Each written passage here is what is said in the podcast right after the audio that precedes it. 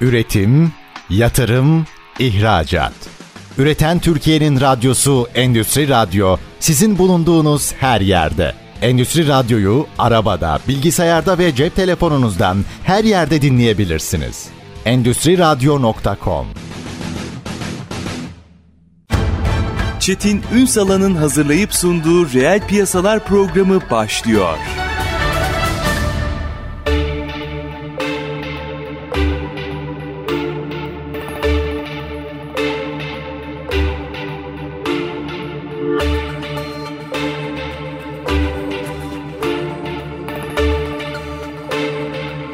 Türkiye'nin gerçek gündeminde birlikteyiz. Efendim bugün iş hayatında motivasyonu konuşacağız. İş hayatında motivasyonu aslında biraz büyüterek konuşacağız. Yani işin tabii ki İK boyutu çok önemli.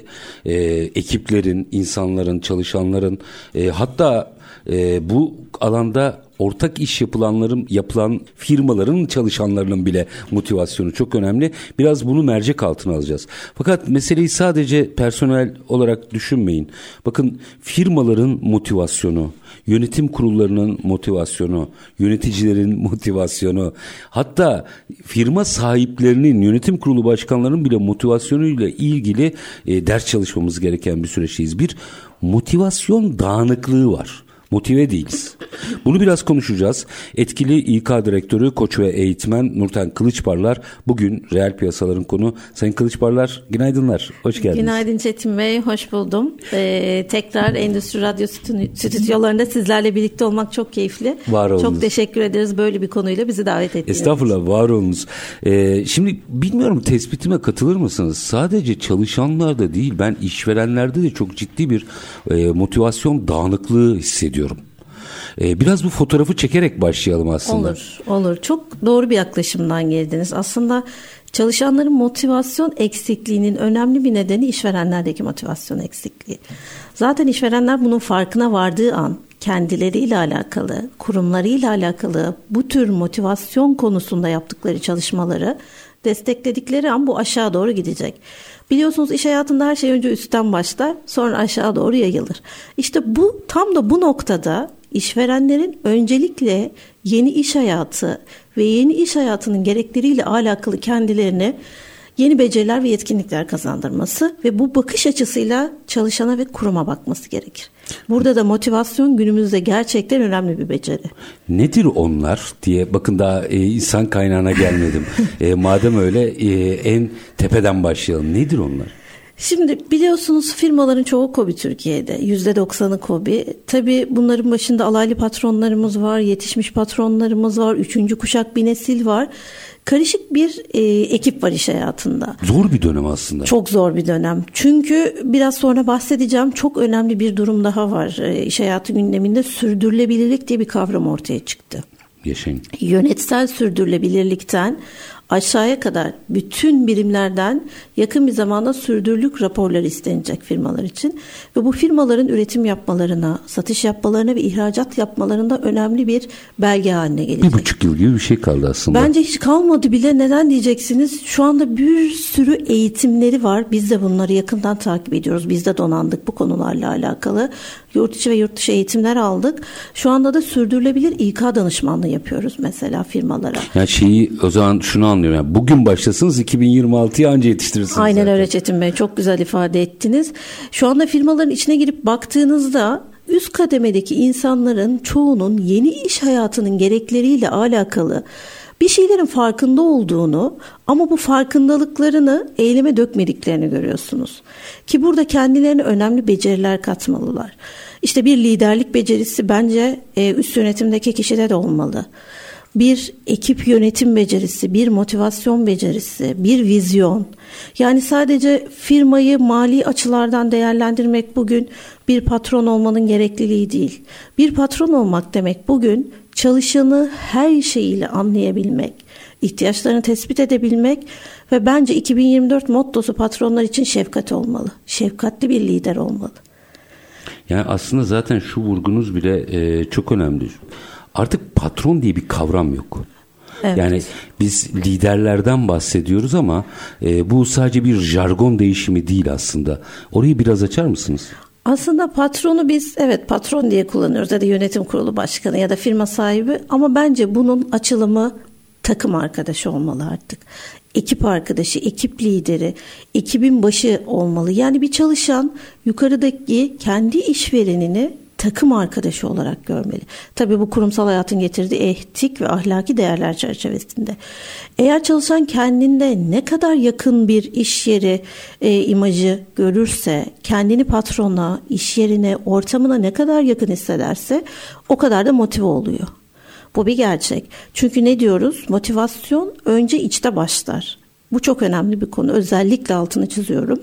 Çünkü bireysel motivasyonumuzun en yüksek halini biz iş motivasyonu olarak iş hayatında işimizde verimli ve fayda sağlayacak hizmetlere dönüştürmek için yapıyoruz. E bu durumda iç motivasyonumuzu desteklemeliyiz ki çalışan iç motivasyonu desteklemeliyiz ve bir lider olarak bir firma sahibi olarak kendi motivasyonumuzu desteklemeliyiz ki bunu dalga dalga aşağıya yansıtabilelim.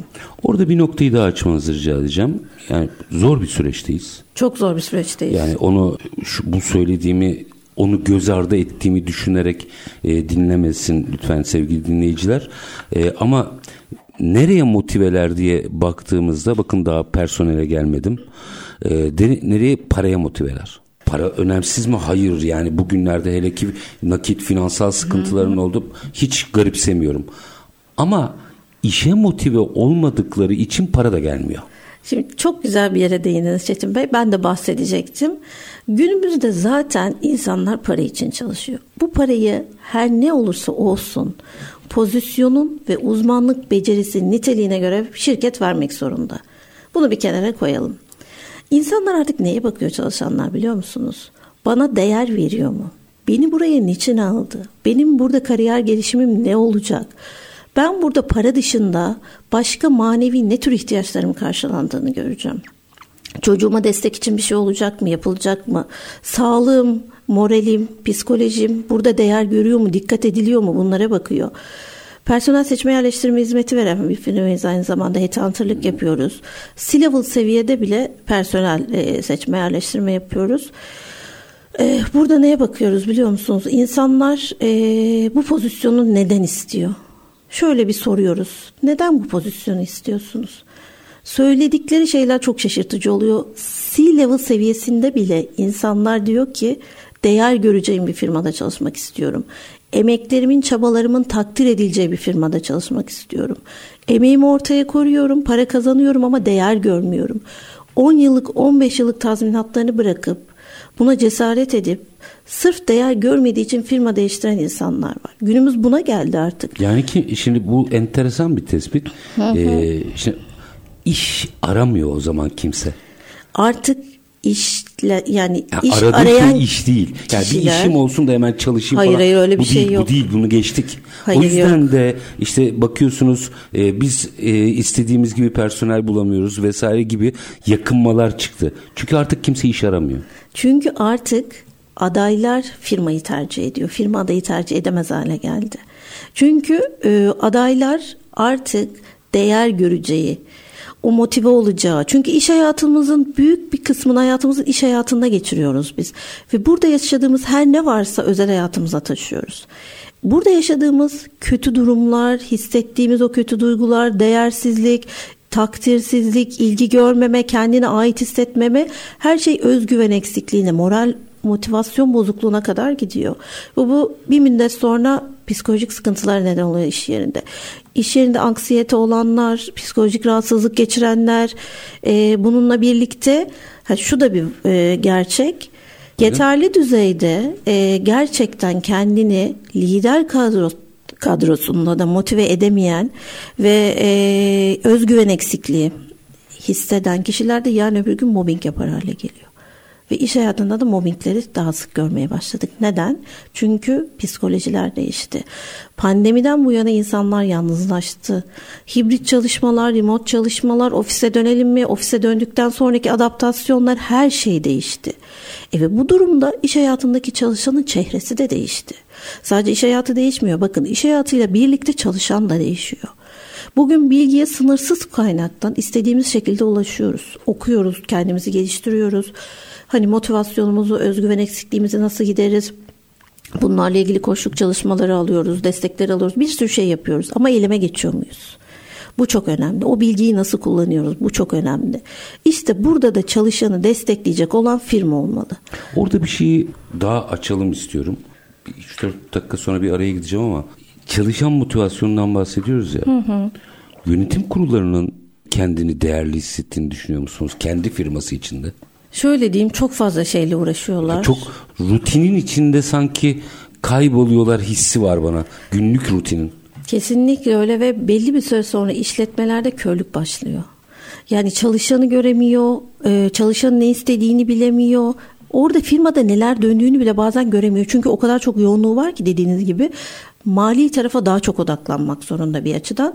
E, bu durumda ne yapıyor yönetim kurulları? Dışarıdan serbest yönetim kurulu üyesi atıyor içeriye. Hmm, enteresan. Kendilerini değerlendirmeleri, yönetim kurullarına katılmaları ve burada görüşlerini, fikirlerini toplantılarda söylemeleri için danışman statüsünde olabiliyor. Serbest e, yönetim kurulu üyesi statüsünde olabiliyor.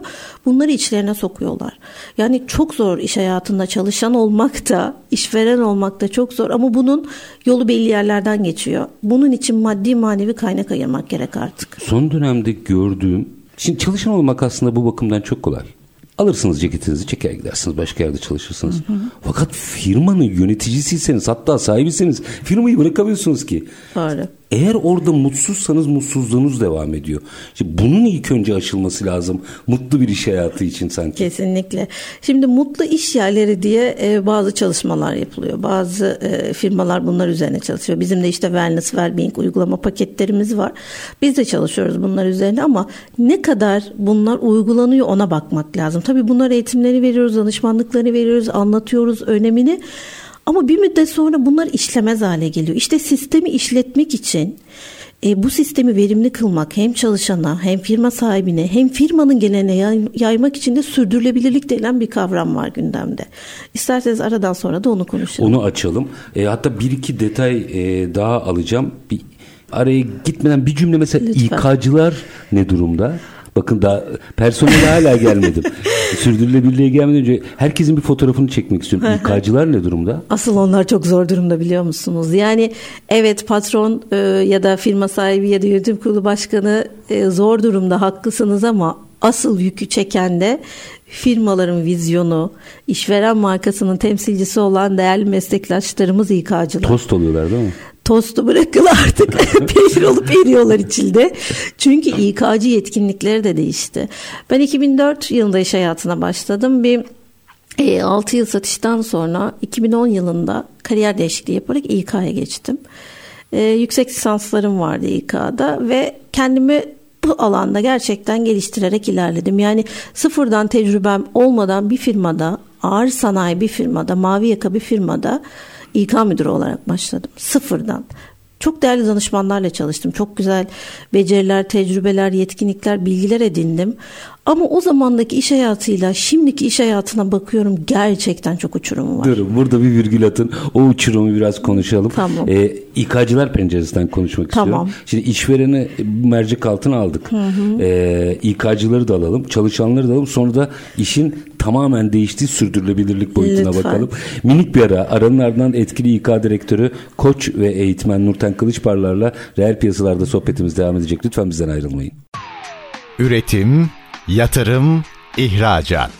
Üreten Türkiye'nin radyosu Endüstri Radyo sizin bulunduğunuz her yerde. Endüstri Radyo'yu arabada, bilgisayarda ve cep telefonunuzdan her yerde dinleyebilirsiniz. Endüstri Radyo.com Kısa bir aranın ardından reel piyasalarda tekrar sizlerle birlikteyiz. Etkili insan kaynakları direktörü, koç ve eğitmen Nurten Kılıçparlar bizlerle birlikte. iş hayatında motivasyonu konuşuyoruz. İşvereni konuştuk. Ee, İK'cıda kaldık.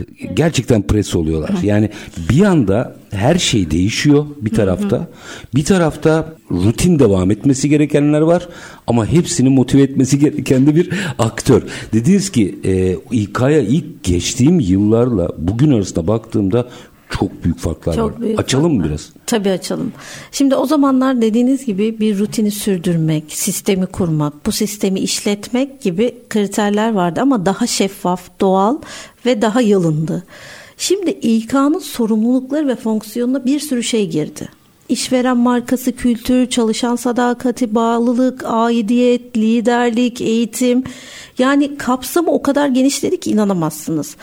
Bu konuyu çok yakından takip ediyorum. Kendim de İK profesyoneli olduğumdan ve firmalarla sıkı ilişkilerimiz, danışmanlık hizmetlerimiz, görüşmelerimiz olduğundan ben artık Bodro ve özlük süreçlerinin bu süreçte İK'dan çıkması gerektiğini düşünenlerden. Çok enteresan. Biraz açın lütfen. Şimdi Bodro ve özlük işleriyle de uğraşıyor İK departmanı. Yani personel bodroları, e, maaşlar, işte ikramiyeler, e, bununla birlikte giderler vesaire gibi personel giderleri gibi.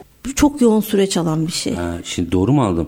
Personel müdürlüğü tekrar kurulsun. Bunlar personel müdürlüğünün işleri olsun. İK başka bir şey olmaya başladı. Diyorsunuz. Aslında şöyle bunlar finans ya da muhasebe adı altındaki birimlerin aslında normalde bunlar eskiden muhasebe departmanları Tabii, tabii. yapardı. Hobilerde Sorumluluklarında olabilecek bir konu. Şimdi yapay zeka ile ve bir sürü değişik programla birlikte zaten bunlar çok kolay hale gelecek. Muhasebe dediğimiz, finans dediğimiz kadroların işleri de bunlarla birlikte biraz daha yalınlaşacak, sadeleşecek. Bu işleri İK'dan alıp teknik ve sayısal kısımla alakalı konuları muhasebe departmanına vermek ya da mali işler departmanına, finans departmanına vermek İK'yı biraz olsun rahatlatacak ve İK asıl işi olan çalışan bağlılığı, sadakat, aidiyet, işveren markası ve kültür konularına, eğitim konularına daha çok yoğunlaşabilecek. Bugün mesleğe yeni başlayan birçok arkadaşımız var. İK'nın farklı alanlarında uzmanlaşmaya çalışıyorlar. Kimi işe alımda, kimi eğitimde, işte kimi Bodro'da, kimi Özlük'te. Bakıyorum şöyle ne istediğini bilmeden başlayan İK'cı meslektaşlarımız var. Bir müddet sonra işten ayrılmalar başlıyor. Bir müddet sonra İK'dan ayrılıp başka yere geçmeye başlıyorlar. Bu insanları kazanmak, bu insanları bu firmada değerli bir şekilde çalıştırmak için İK'nın patronun artık sağ ve sol kolu olması lazım. Her iki kolu da olması lazım. Rakamla uğraştırmamak gerekiyor. Artık İK'yı rakamla değil çalışanla uğraştırmak lazım. İşveren markasını bir yere taşımayla uğraştırmak lazım. Bakın sürdürülebilirlik dediğimiz e, konu insan kaynaklarının sürdürülebilirliğiyle başlayıp üst yönetimin kurumun sürdürülebilirliği, İK'nın sürdürülebilirliği ve onun da etrafından diğer alt birimlere inecek. Yani burada İK'cı pilot görevi alacak ve yolcular da diğer birimler olacak. Ya şu anda işe al, işten çıkar, e, kaç para maaş verdin, Değil mi? prim verdin bunlarla uğraşıyor. Bu arada işe alım kesinlikle İK'da o gitmesi kastettiğim gereken. o değil. Yani bütün bu yükün içerisinde Tabii, para tabii. konuşuyor. Tabii, tabii. Sürekli. Paradan sıyırın diyorsunuz. E, Bence biraz paradan sıyrılıp artık sosyal İK'nın e, iş hayatının gündemine oturduğu zamanlarda İK'cıları bu bakış açısıyla biraz rahatlatmak lazım. Çok güzel bir öneri bu. Ya ve, ve çok Bu da benim hep aklımda olan bir şey. Ben uzun yıllar Bodro'da yapan biriyim. E, kendi ekibim de e, yaptı. Bodro ve e, özlük işleri yöneticisi bul- bulmak çok zordur biliyor musunuz? Yani firmaların çoğu arayışının ya iş işe alım tarafında, uzman tarafında, işe alım uzmanı, işe alım müdürü arayışta olu- olur ya da Bodro özlükçüleri çok ararız. Yani artık bu konulardan ziyade elimizdeki değerli İK'cı arkadaşları biraz daha yetkinliklerini arttırmak için onlara fırsat vermeli ve işveren markalarına geleceğe taşımalıyız artık. Çok fazla uğraşları var Çok gerçekten. bir öneri. Çok somut bir öneri. E, hatta sürdürülebilirlik boyutunda buna bir daha dönmek istiyorum. E, ama bir de çalışanların iş motivasyonuna değinelim sonra sürdürülebilirliği açayım. Evet. Şimdi çalışanların iş motivasyonu tabii motivasyon ne dedik? Önce içten başlar. Motivasyon bizi harekete geçiren, bizi heyecanlandıran, tutkuyla bir şey yapmamızı sağlayan itici bir güç. Öncelikle şöyle e, iç motivasyonu sağlamak için firmalar neler yapmalı? Tabii bu önce kişinin kendinde başlayan bir durum ama aile hayatında yaşadıklarımız, özel hayatımızda yaşadıklarımız ya da birçok geçmişten getirdiğimiz e, durumlar, psikolojik rahatsızlıklar, tutum davranışlar motivasyon kaybına ya da iç motivasyon düşüklüğüne neden olabiliyor. Bu durum neye neden oluyor? Bu durumda dışarıdan motive olmamızı e, daha çok ihtiyacını, isteğini arttırıyor. Biz son zamanlarda danışmanlık yaptığımız kurumlara kendinle iletişim eğitimleri vermeye başladık. Bu bizim kendimizin özel olarak kendimizin içeriğini oluşturduğumuz gözlemlerimizle firmalardaki ihtiyaçları tespit ederek ortaya çıkardığımız bir eğitim. Kendinle iletişim. Kendinle iletişim. Biz kurumsal eğitimler vermeden ilk bu eğitimle başlarız. Önce kendinle iletişim kurmanın, doğru iletişim ve kaliteli iletişim kurmanın öneminden bahsederiz. Bu bir kişisel gelişim eğitimidir. E, bu arada bir önerim daha var. E, bunu da çok düşündüm. Yani 21 yıllık e, bir kurumsal geçmişim var. Muhasebe dışında bütün departmanlarda orta ve üst düzey yönetici olarak çalıştım. Eğer bir çalışan kendini tanımıyorsa, kendinle doğru ve kaliteli iletişim kuramıyorsa bunu ne ailesiyle, ne iş hayatındaki çalışan arkadaşıyla, ne de patronuyla kurabiliyor. Ve bu da bilimsel çalışmalarla zaten ortaya konmuş bir gerçek. Firmadaki çalışanlara motivasyonla ilgili, aidiyetle alakalı ya da kalıcılıkla alakalı ya da geliştirmesi gereken bütün yetkinlikler, nitelikler neyse onlarla alakalı kurumsal eğitim vermeden önce kendinle iletişim eğitimi verilmeli. Çok önemli. Çetin Neyi Bey. kapsıyor bu? Kendinle iletişim neyi kapsıyor? Tamamen çok araştırdım. Gerçekten emek vererek e, ürettik. E, yurt içi, yurt dışı kaynaklar, öngörülerimiz, firmalarla yaptığımız görüşmelerle açığa çıkardık. Kendinle doğru iletişim kuruyor musun? Kendinle doğru ve kaliteli iletişim kuruyorsan bunları nasıl yapıyorsun? Kendine geri bildirim ve ileri bildirim veriyor musun? E, duygularının ne kadar farkındasın? Duygularını yönetebiliyor musun? Kendine yapıcı mı, yıkıcı mı eleştirilerde bulunuyorsun? Özgüven, öz saygı durumun ne seviyede? Bu arada kendinle iletişimin en önemli konularından bir tanesi bunu içinde işliyoruz. Öz şefkat. Öz şefkatiniz eksikse kendinizle iletişimde kuramıyorsunuz ve o öz şefkat eksikliği başkalarını anlamada empati kurmanızı da engelliyor. Tam bir fren yani. Tam bir fren. Hepsi birbirine bağlı aslında gördüğünüz gibi. Aslında e, hani baktığınızda evet kendisini sevmeyenin hani nasıl kimseyi sevemeyeceğini düşünürseniz kendisiyle iletişim kuramayanın başkasıyla da kurma olasılığı çok Biz büyük. kurduğumuzu sanıyoruz bu arada. Yani işte kendinle konuşmak da kendinle iletişimin bir yöntemi ama nasıl konuşuyorsun? Gerçekçilik. Gerçekçilik. Kendine dürüst olmak. Kendine Bunlar da eski kavramlar olmak. aslında ama e, tabii hiç bunu bir disiplin altına e, alıp düşünmemiştik. Evet yumuşatmak lazım kendimizle konuşmamızı biliyor musunuz? Yani nasıl başkalarına nazik, saygılı ve e, yaklaşmaya çalışıyorsak kendimizin de o biricikliğini görüp o şefkati kendimize de göstermemiz lazım. İşte motivasyon kaybı bunu yapamadığınız anda da başlıyor. Yani hayatında kendini e, doğru anlayamamış, tanımlayamamış, hayatın anlamını bulamamış ya da bunu keşfetmemiş, kendini keşfetmemiş, kendini tanımak için çaba göstermemiş kişiyi iş hayatında motive etmeniz çok zor. O yüzden diyoruz ki önce çalışanlarınızı kişisel gelişim eğitimleriyle lütfen destekleyin, tamamlayın. Neye ihtiyaçları varsa. Bunu anlamanın yolu da koçvari iletişimden geçiyor. Belirli zamanlarda firmalara iç koçluk yapıyoruz. Danışmanlık yaptığımız firmalarda da aynı şekilde. Gidiyoruz çalışanla birebir görüşüyoruz. Derdi, sorunu, tasası ne hissediyor? Bu arada bunları bir sohbet havasında ve koçluk sorularıyla, koçluk teknikleriyle yapıyoruz. Bunları soruyoruz. Firmasındaki yöneticisine ya da bir üst e, level yöneticisine anlatamadıklarını bizle paylaşıyor çalışanlar. Bize önem veriyor, değer veriyor. Çünkü biz onların yanında olduğumuzu hissettiriyoruz. Bunun da altını çiziyorum. Bir e, firma personelinin ihtiyaçlarını doğru tespit etmeli ve onun yanında olduğunu hissettirmeli. Gerçekten bunu hissettirdiğinizde o motivasyonun ilerlediğini de göreceksiniz. Çok önemli bir durum. Yani sadece e, çalışan orada para için çalıştığını düşünmemeli. Burada değer verildiğini, değer gördüğünü, gerçekten bu firmaya değer kattığını e, hissetmeli. Bunu hissettirmeliyiz. Çok önemli. O koşuk görüşmelerinde inan o kadar güzel şeyler ortaya çıkıyor ki insanlar içlerini döküyorlar olması. Aslında bir şeylerin farkında çalışanlar ama bunları dile getirecek muhatap bulamıyorlar. Bu sefer de kemirmeye başlıyor için. Kemirmeye başlıyor ve bu da anlamadığınız bu sessiz istifalara, işten çıkmalara, birden ayrılmalara, iş gücü sirkülasyonuna neden oluyor. Başka bir motivasyon da e, dün akşam güzel bir eğitim düzenledik İK'cı arkadaşlara bu e, mülakat tekniklerini koçluk teknikleriyle bir araya getirdiğimiz bir mülakat teknikleri eğitimi yaptık. E, orada bir şey söyledim arkadaşlara. Dedim ki biz beyaz yakayı eğitirken mavi yakayı sadece teknik adamlar ve maaş alacak kişiler olup bir kenara koyduk. Beyaz yaka çok hızlı gitti. Mavi yaka geride kaldı. Şimdi Bugün uçurum oluştu şimdi. neden mavi yaka sirkülasyonu yaşıyoruz sizce? Sadece bunun nedeni para ya da tabii ki çok önemli bir nedeni artık liselerden, meslek liselerinden ya da kurumlardan e, ciddi yetkin ustaların, teknikerlerin yetişememesi. Ama neden? Olanı Yüz- niye kaybediyoruz Niye? Yüzde ellisi de o insanlara yapamadığımız bu kişisel gelişim eğitimleri ve kurumsal eğitimlerden kaynaklanıyor. Yani e, şey mi doğru mu anladım? Ee, işte fabrikanın aşağı tarafta makineler var bir de çalışanlar var gibi baktığımız için mi? Yani biraz öyle. Teknik adam gibi bakıyoruz. Biraz sert oldu ama gerçek buydu. Biraz Biraz biraz ki. teknik makine gibi bakıyoruz mavi yakaya. Bakın mavi yaka kurumsal da yani kurumsal hayatta bakıyoruz. Mavi yaka, gri yaka, altın yaka, e, beyaz yaka diyoruz mesela.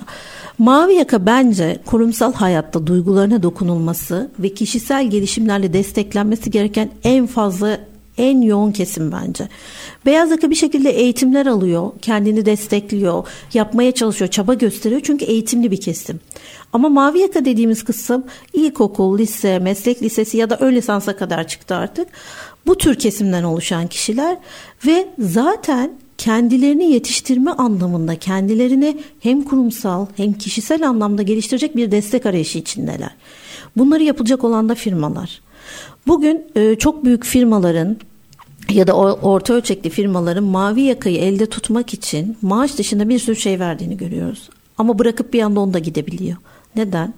Çünkü adam önce kendini tanımıyor. Ne istediğini bilmiyor. Ne yapması gerektiğini bilmiyor. Psikolojisi e, iyi değil. Kafası rahat değil. Bir yandan ailesiyle sıkıntı yaşıyor. Belki kendi içsel çatışmaları var. İşte bu yüzden personeli anlamak çok önemli. Bunun yolunda ya danışmanlık ya koçluk ya da firma içinde iyi liderler yetiştirmek. Şey vardır. Şimdi daha kobilerde eskiden usta çırak ilişkisi vardı. evet, evet. Yani e, bir şekilde o ilişki bugünkü manada biraz koçluğa tekabül eden e, işi görüyordu. Belki o kadar profesyonelce veya bilimsel, bilimsel değil ama hani e, dert dinleme yani nasıl Kesinlikle ya öyle. bak şöyle yap böyle yap şimdi bu, bunu bir şey yere kadar yapıyordu usta çırak ilişkisi bitti. Kurumsala doğru gittikçe firmalar büyüdükçe de orayı da bürokrasi mahvetti. Ve biz şefkati kaybettik orada. Evet. Her şey matematik oldu. Evet. Ama matematik sonuç vermiyor. Tek başına. Tek başına sonuç vermiyor artık çok doğru söylediniz. Biz artık kurumlarda şefkatli liderler görmek istiyoruz. Şefkatli patronlar görmek istiyoruz. Yani tabii ki e, firma sahiplerinin, yönetim kurulu başkanlarının ya da patron dediğimiz e, nasıl tabir edersek edelim. E, bu kişilerin altında doğru liderleri konumlandırması da çalışan motivasyonu için çok önemli. Aslında liderler firmaların yüzü biliyor musunuz? Yani baktığınızda üst yönetim, liderler ve alt kısım. Hepsi birlikte firmanın yüzü ama liderler hem çalışan tarafında firmanın yüzü hem dış tarafta firmanın yüzü. O yüzden etkili liderler yetiştirmeliyiz. Bir sürü liderlik gelişim programları düzenliyoruz. Ve burada liderlere diyoruz ki sürdürülebilir odaklı lider olun. Bugün yeni bir kavram çıktı sürdürülebilir odaklı lider. Yani yaptıklarınız, söyledikleriniz her şey tutarlı olsun, şefkat, şefkatli olsun, güvenilir olsun. Çalışanların motive edilmesi gereken ne varsa korkmadan açıkça firma kurallarına uygun şekilde, firma kültürüne uygun şekilde lütfen bunları belirtin. Çok önemli. Yarın öbür gün lider altında çalışacak eleman bulamadığında kendi de kurumdan ayrılmaya başlıyor. Bu sefer ne oluyor? Kurum hem lideri hem çalışanı kaybediyor. Yeni birinin firmaya başlaması kuruma adaptasyonu, aidiyeti, bağlılığı, sadakati derken kurum bir sürü maliyetin altına giriyor. Bu maliyetin altına girmeden çalışanlara zaman ayırıp dinlesek, dinlemesek, gözlemlesek, onlarla böyle bir araya geleceğimiz etkinliklerle onları bir tanımaya çalışsak, değer verdiğimizi gerçekten değer verdiğimizi hissettirsek daha az yorucu, daha az maliyetli olmaz mı? O zaman şöyle şimdi sürdürülebilirliği açalım ama iki dakikam var. Bir anekdot e, hatırlatayım size ve dinleyicilerimize. İki cümlede olsa yorumunuzu alayım öyle gideyim ardından da sürdürülebilirliği açalım. Yeşilçam filmlerine götüreceğim sizi. Hulusi Kentmen'in patrondur yani biliyorsunuz e, klasik. Farklı filmlerdeki iki karakterine baktığımızda mesela fabrikadan içeri girdiği sahneyi gözünüzün önüne getirin. e, Babacan Hulusi Kentmen girdiğindeki ortam sert patron Hulusi Kentmen girdiğindeki ortam. Aslında bu okumayı buradan yaptığımızda her şeyi anlatmıyor. Çok doğru anlat. Çok güzel resmettiniz. Kesinlikle öyle. Peki biz hangisi olacağımızı e, karar vereceğiz diyeceğim. Ama anladığım kadarıyla bugünkü sürdürülebilirlik anlayışları içerisinde e, o şefkatle güler yüzle giren Hulusi Kentmen'in İhtiyaç. bir alternatif değil kaçınılmaz gereklilik olduğu ortaya çıkıyor. Kesinlikle öyle Çetin Bey. Peki bunu birazcık açalım istiyorum. Sürdürülebilirlik adına neler yapılması gerekiyor? Biraz bunu konuşalım. Efendim e, konuğumuz etkili İK direktörü, koç ve eğitmen Nurten Kılıçparlar. İş hayatında motivasyonu konuşuyoruz. Bakın işveren, yönetici, İK, e, İK direktörleri, çalışan herkese kadar geldik. Şimdi aslında firmanın iş motivasyonunu konuşacağız. Onun da anahtarı sürdürülebilirlikten geçiyor. Şimdi minik bir ara aranın ardından reel piyasalar devam edecek. Lütfen bizden ayrılmayın. Üretim, yatırım, ihracat. Üreten Türkiye'nin radyosu Endüstri Radyo sizin bulunduğunuz her yerde. Endüstri Radyo'yu arabada, bilgisayarda ve cep telefonunuzdan her yerde dinleyebilirsiniz. Endüstri Radyo.com Kısa bir aranın ardından reel piyasalarda tekrar sizlerle birlikteyiz. Konuğumuz etkili insan kaynakları direktörü, koç ve eğitmen Nurten Kılıçparlar. E, iş hayatında motivasyonu konuşuyoruz. E, evet, işvereni konuştuk, personel yani beyaz yakayı konuştuk, İK direktörlerini konuştuk, çalışanları konuştuk. Şimdi geldik firmanın iş hayatındaki motivasyonuna onun da anahtarı sürdürülebilirlik. Hadi açalım. Ve burada bir virgül atmıştım. Bunun pilotu da İK'cılar olacak demiştiniz. Evet. Onu da ekleyerek açalım. Tamam. Ee, şimdi sürdürülebilirlik aslında geçen seneden beri gündemde böyle e, yavaş yavaş tohumlar atıldı. Bu senede de artık iş hayatının gündeminde 2024 itibariyle filizlenmeye başladı. Birçok kurumda eğitimler başladı, bilinçlenmeye başladı kurumlar. Ama daha tam anlamıyla kurumlar bunun ne olduğunu, ne anlama geldiğini ya da bu konuda neler yapmaları gerektiği konusunda bilgili değil. Ocak ayında resmi gazetede bu konuyla ilgili bir e, durum yayınlandı. Yani kurumlarda artık sürdürülebilirlik raporları istenecek. E, nasıl bir kalite belgeniz, çevre belgeniz ya da işte gıda işi yapıyorsanız gıda belgeniz varsa satış yapmak için, üretim yapmak için, ihracat yapmak için de bu belgeniz olacak. Ve bunların birer danışmanları olacak. İş sağlığı gibi, uzmanı gibi düşünün. Nasıl firmalar iş sağlığı güvenliği uzmanı atıyoruz. Firmalara danışmanlar atılacak ve denetimleri yapılacak. Tam bu durumda sürdürülebilirlik aslında kurumsal hayatta çalışan motivasyonundan aidiyete, sadakate, eşitliğe yani kapsayıcılık, eşitlik ve çeşitliliğe bununla birlikte turnoverları, iş yaşam dengesini de içine alan İK tarafında bunlarla birlikte yürümesi gereken bir süreç. Sürdürülebilirlik genel olarak nedir diye baktığınızda iş hayatında şu anda bulunduğumuz iş hayatındaki kaynakları gelecek nesil için tüketmeden geleceğe doğru kaynaklarla birlikte aktarım yapabilmek. Yani aslında kurumsal iş hayatını geleceğe, gelecek nesille birlikte taşıyabilmek. Burada şunun altını e, çizelim ki açın. Çok önemli maddelerinden biri olmakla birlikte sürdürülebilirlik sadece çevre boyutuyla konuşuluyor. Şimdi onu da söyleyeceğim. Yani diğerleri olmadan o da işe yaramıyor. O da olmuyor Çetin Bey. Çünkü sürdürülebilirliğin üç boyutu var. Çevresel, sosyal ve ekonomik. Şimdi çevresel boyutta zaten e, yeşil bir e, firma olmanız gerekiyor artık. Bu hem doğa hem dünya hem kurum açısından önemli. Ekonomik boyutta girdilerinizi, çıktılarınızı, maliyetlerinizi düzenli bir şekilde takip edebileceğiniz sistemler. Bunların katkıları, e, aldığınız ham maddenin doğa dostu olması, aldığınız bir işte e, sabunun, personel için aldığınız bir kalemin kağıdın geri dönüşümlü olması bunlar artık gerekli. Şimdi sosyal boyuttaki kısım o hep atlanıyor. Evet hep o atlanıyor ama asıl önemli konu oradan geçiyor zaten. Yani çünkü sosyal boyuttaki kısımda iş tamamen İK tarafına geçiyor. Açalım biraz. Eğitimler. Yeşil İK diye bir uygulama çıktı. Yurt dışında bunlarla ilgili sayısız kaynak var, sayısız uygulama var ve şu anda cayır cayır İK departmanları yeşil İK uygulamalarına geçmiş durumda. Biz ne yapıyoruz Türkiye'de? Hani elimizden geldiği kadar bu arada alışveriş yaptığımız sitelerde de görüyoruz yeşil ürün dostu işte deterjanlar, kalemler. Ama hep ürün. Ürün hep görüyoruz. Ürün. Yani Evet. çevresel boyutun yine altını çizeyim önemli ama sadece maddelerden biri. Maddelerden biri. Hiç sosyal boyut tor- tartış, tartışan ve konuşan, uygulayanlar var onları tenzih ederim. Ortalama bir şey söylüyorum. Sosyal boyutu hiç yok. Çok büyük kurumlar bunun önemini anlayıp öngörüyle birlikte buna başladılar. Yani öngörülü Yani işte davrandılar. onları tenzih ettim zaten. Yani Şimdi farkında olanlar. bu anlamda ne yaptılar biliyor musun? Sürdürülebilirlik departmanları kuruluyor firmada. Ya da sürdürülebilirlik ekipleri, birimleri oluşturulmaya başladı. Bir sürdürülebilirlik raporu yayınlandı devlet tarafından. Maddelerini e, okumanızı tavsiye ederim, herkese tavsiye ederim. Ciddi firmaları geleceğe hazırlayan maddeler. Aslında bu sürdürülebilirliği firmalar kendilerini adapte etseler Geleceğe zaten ister istemez hazırlan- hazırlanacaklar. Bu yüzden bununla ilgili profesyonel kişilerden destek alınmaya şu anda ihtiyacı var.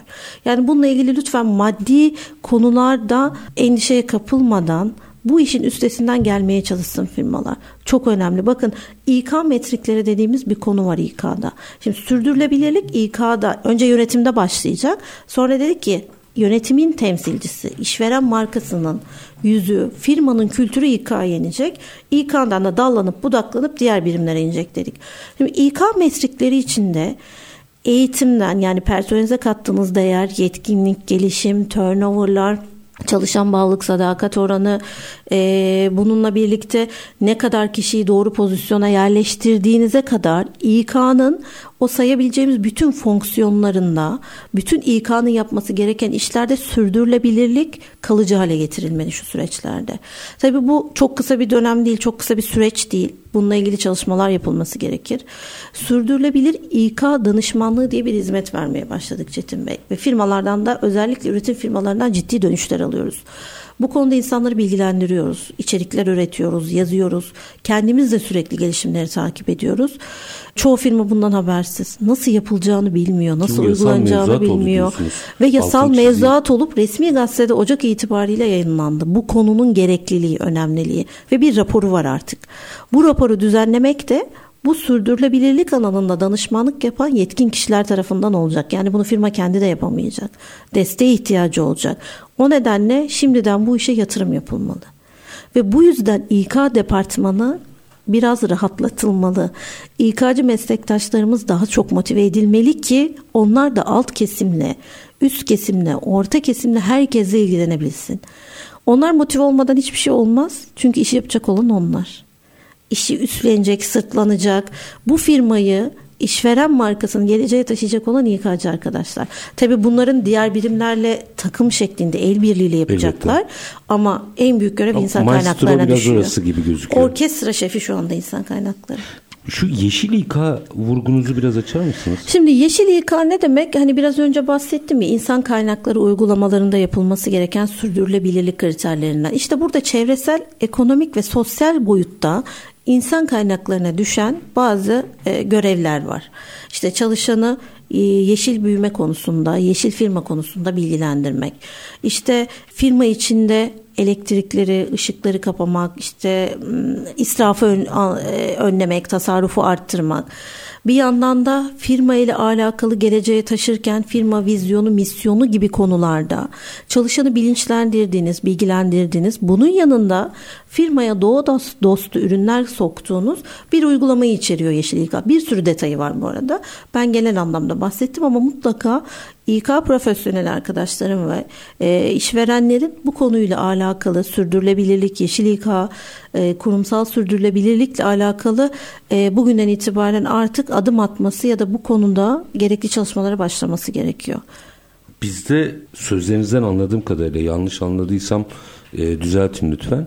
E, daha yeni yeni konuşuluyor. Yurt dışında herkesin birçok kesimin gündeminde diyorsunuz. Evet biz Doğru yurt dışı, yurt dışı kaynaklardan çok beslendim ben. Mesela biz firma olarak da böyle çok araştırmacı bir firmayızdır. Firma sahibimiz de çok uzun yıllar İK profesyonelliği yapmış. Eğitmenlik, koçluk ve e, şu anda YDD asil üyesi olan bir danışman. Yönetim e, yönetim danışmanı. Çok ciddi anlamda çalışıyoruz inanın. Yani e, her türlü eğitim almaya çalışıyoruz. Yurt içi yurt dışı kaynakları tarıyoruz. Bu işe emek veriyoruz. Ve yurt dışında karşılaştığımız notlar bizi çok şaşırttı mesela. Çok iki yıl, üç yıl önce yazılmış bu konuda makaleler var. Ve biz de hala bu konuyu yeni gündeme alıp böyle yeni taze taze e, ortaya koymaya başladık. Tabii daha öncesinde e, bu konuyu dile getiren bazı uzman arkadaşlar olmuş hani öngörülü davranmışlar ama bu kadar önemli olacağının farkında olmamış kimse. Bu kadar Yani gündeme bir trend oturacağını. gibi konuşulmuş ama şimdi galiba e, bir zorunluluk, haline Zorunluluk haline vaziyette. geliyor. Çünkü baktılar artık firmalar bir şey yapma konusunda maddi ve manevi isteksizlik göstermeye başlıyor. Çalışanları elde tutmak zor. E, iş hayatında bir hareketlilik, değişim var. Bir yandan dijital dönüşümler var.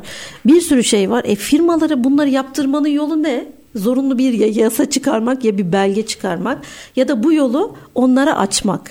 Bu yolu onlara açacak olan aslında güzel bir avantaj da kurumsal sürdürülebilirlik. Onu ne kadar biliyoruz ki?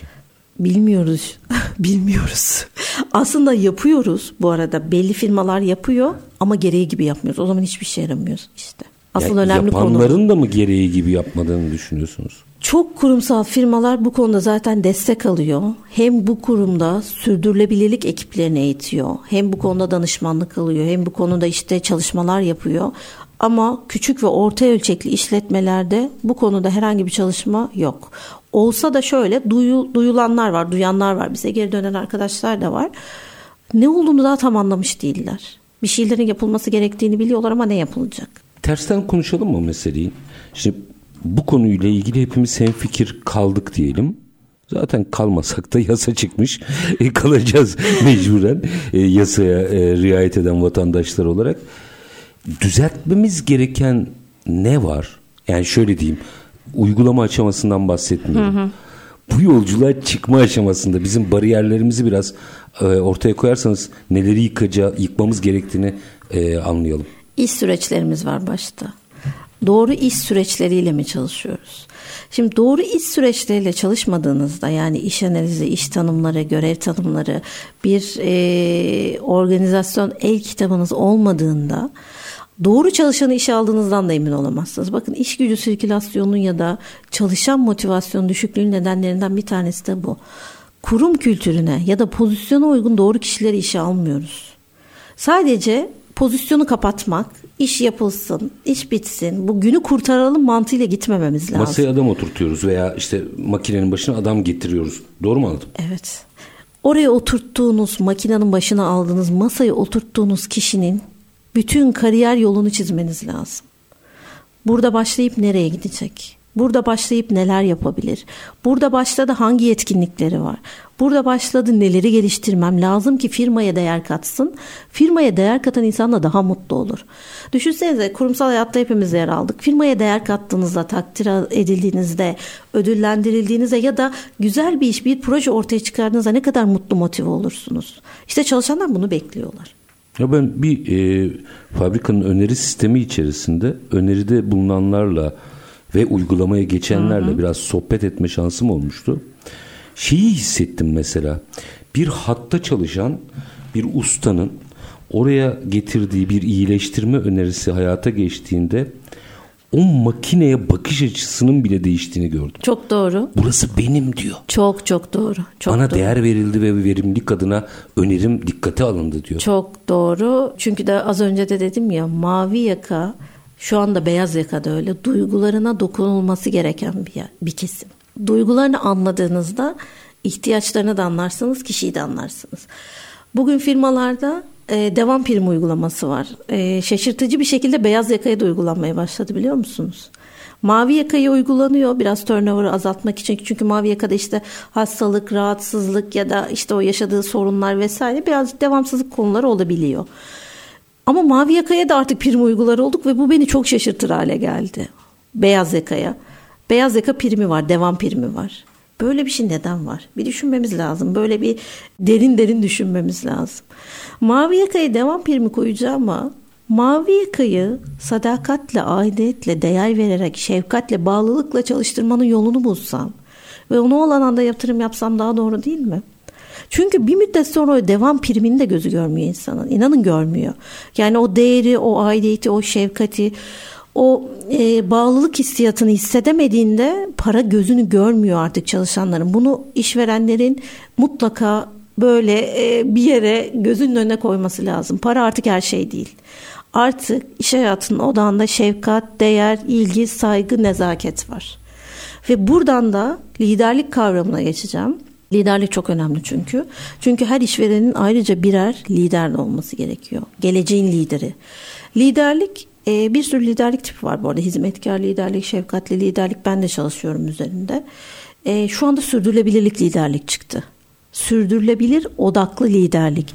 Yani tüm saydığımız bu uygulamaları yüklenip bunların hepsinin bir organizasyonlu, koordinasyonlu yapıp gerekli liderlik becerileriyle donanıp firmayı geleceğe taşıyacak liderlere ihtiyacımız var. Bunlar da nerede? Bunlar aslında içimizde. Firmanın içinde bu liderler. Bunları keşfetmek lazım. Yani her birimde var bunlar. Var. Değil mi? Ama bunu ortaya çıkaramıyoruz. Üzücü gerçeklerden bir tanesi de bu. İnsanlar ayrılıp gidiyor başka yerde müdür olarak başlıyor. Uzman pozisyonunda. Neden senin içinde müdür olup sana değer katmasın? İnsanları daha çok dinlemeliyiz. Daha çok gözlemlemeliyiz. Daha çok şefkat odaklı bir yönetim tarzı izlemeliyiz. Bunun için önce günlük düşünmeyi bırakmamız gerekmiyor mu? Doğru. Doğru. Çok doğru. Günlük değil artık gelecek odaklı.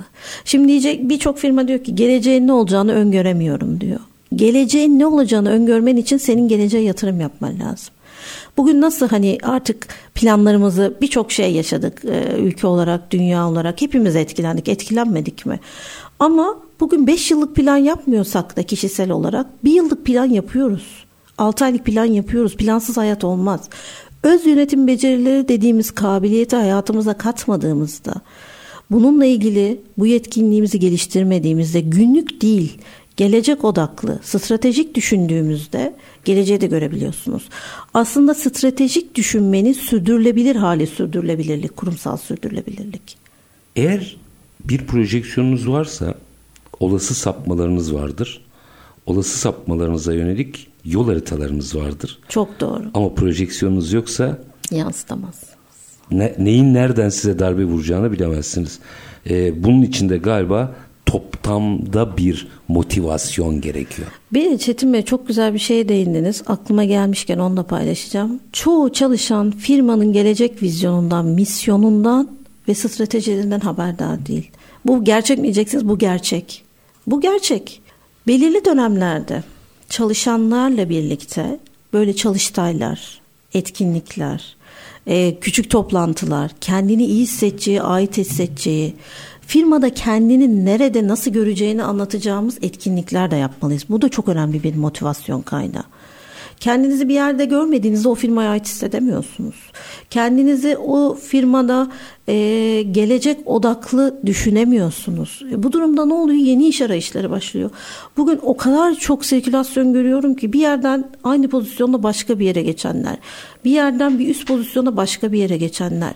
Neden firma içinde böyle bir değersen, başka bir yere geçebiliyorsan, neden ben o firma içinde o çalışanımı kazanmayayım? Bu sorgulayarak başlıyor bir sektörde sektörün meslek lisesinden mezun olup bütün sektörün gözü önünden geçen kimsenin de değerini bilmediği bir e, ismin bugün uluslararası bir firmanın tasarımlarını yaptığını biliyorum. Onu da buraya konuşmacı olarak davet edip alkışlıyorlar. Hayır. Ben de onları alkışlıyorum. çok çok teşekkür ediyorum. E, etkili İK direktörü, koç ve eğitmen Nurten Kılıçparlar çok sağ olun efendim. Önemli şeyler anlattınız. Rica ederim. Daha çok konuşulacak şey var. Tabii burada özet yaptık. Bazı şeyleri özellikle vurguladım. Söylenmesine rağmen çünkü tekrar tekrar vurgulanıp tekrar e, tekrar hafızamıza kazanma, kazanılması gereken şeyler. Ben teşekkür ederim. Böylesine güzel bir şeyle değer katmamıza vesile oldunuz. Estağfurullah. Çok kıymetliydi anlattıklarınız. Teşekkür ediyorum. Ben efendim. teşekkür ederim. Efendim biz bugün iş hayatında motivasyonu konuştuk. Bakın gaz vermeyi değil motivasyonu konuştuk. E, çünkü bizde bu da karıştırılıyor. Yani hadi hadi hadi bu, bu değil motivasyon. Belli bir bilimsel yapı, belli değişimleri okumak, ona göre değişmek. Bakın bugün e, neredeyse bir işletmenin bütün birimlerini konuştuk. İşvereninden mavi yakasına kadar. İK'sı, müşterileri vesaire hepsini e, bir sürdürülebilirlik çerçevesinde mercek altına aldık. Çünkü toptan bir motivasyon gerekiyor. Şöyle de denilebilir. Bu da bir tercihtir tabii ki. E canım iş veriyoruz. Daha ne olsun? Daha ne olur bilmiyorum. Ama yarın sizin hayatta olmayacağınızı biliyorum. Üzgünüm ama acı gerçek bu. Her zamanki bitirelim. Şartlar ne olursa olsun paranızı ticarete, üretime yatırmaktan, işinizi layıkıyla yapmaktan ama en önemlisi vatandaş olup hakkınızı aramaktan vazgeçmeyin. Hoşçakalın efendim.